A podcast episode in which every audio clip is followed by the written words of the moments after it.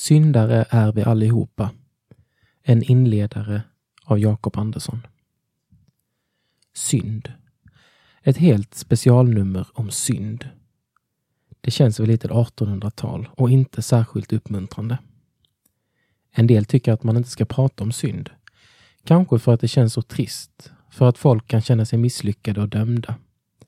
Eller för att man menar att Gud inte lägger sig i hur vi lever våra liv. Men det finns fyra bra anledningar till att prata om synd och specifika synder. För det första, för att vi ska förstå varför de är fel. För det andra, för att vi ska kunna upptäcka dem i våra liv. För det tredje, för att vi ska kunna bekänna dem.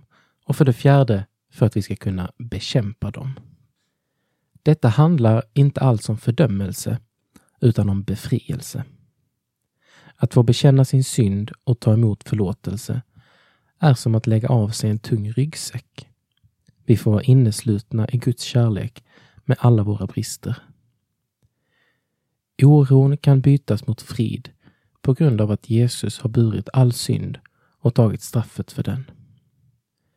Att upptäcka synder i sitt liv så att man tillsammans med Gud kan inleda kampen mot dem är som att påbörja en behandling mot en irriterande och smittsam sjukdom. Vi gör det för att livet ska bli bättre och lättare och för att vi ska kunna fungera mer som det är tänkt, både för oss själva och för dem i vår närhet.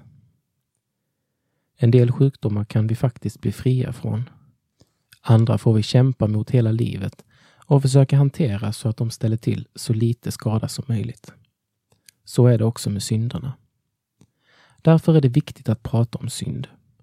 Den helige Ande vill gärna prata om synd och vi hoppas att detta nummer ska få vara ett verktyg för honom i ditt liv. Poängen med att prata om specifika synder är alltså inte att komma med störiga pekfingrar eller se ner på dem som brottas med olika synder. Vi är alla syndare och bär synden i oss, men den tar sig olika uttryck i våra liv. Nej, detta handlar om befrielse, om att hitta rätt i livet och framförallt att hitta rätt i relationen till Gud. Hos Jesus finns både förlåtelse och kraft till förvandling.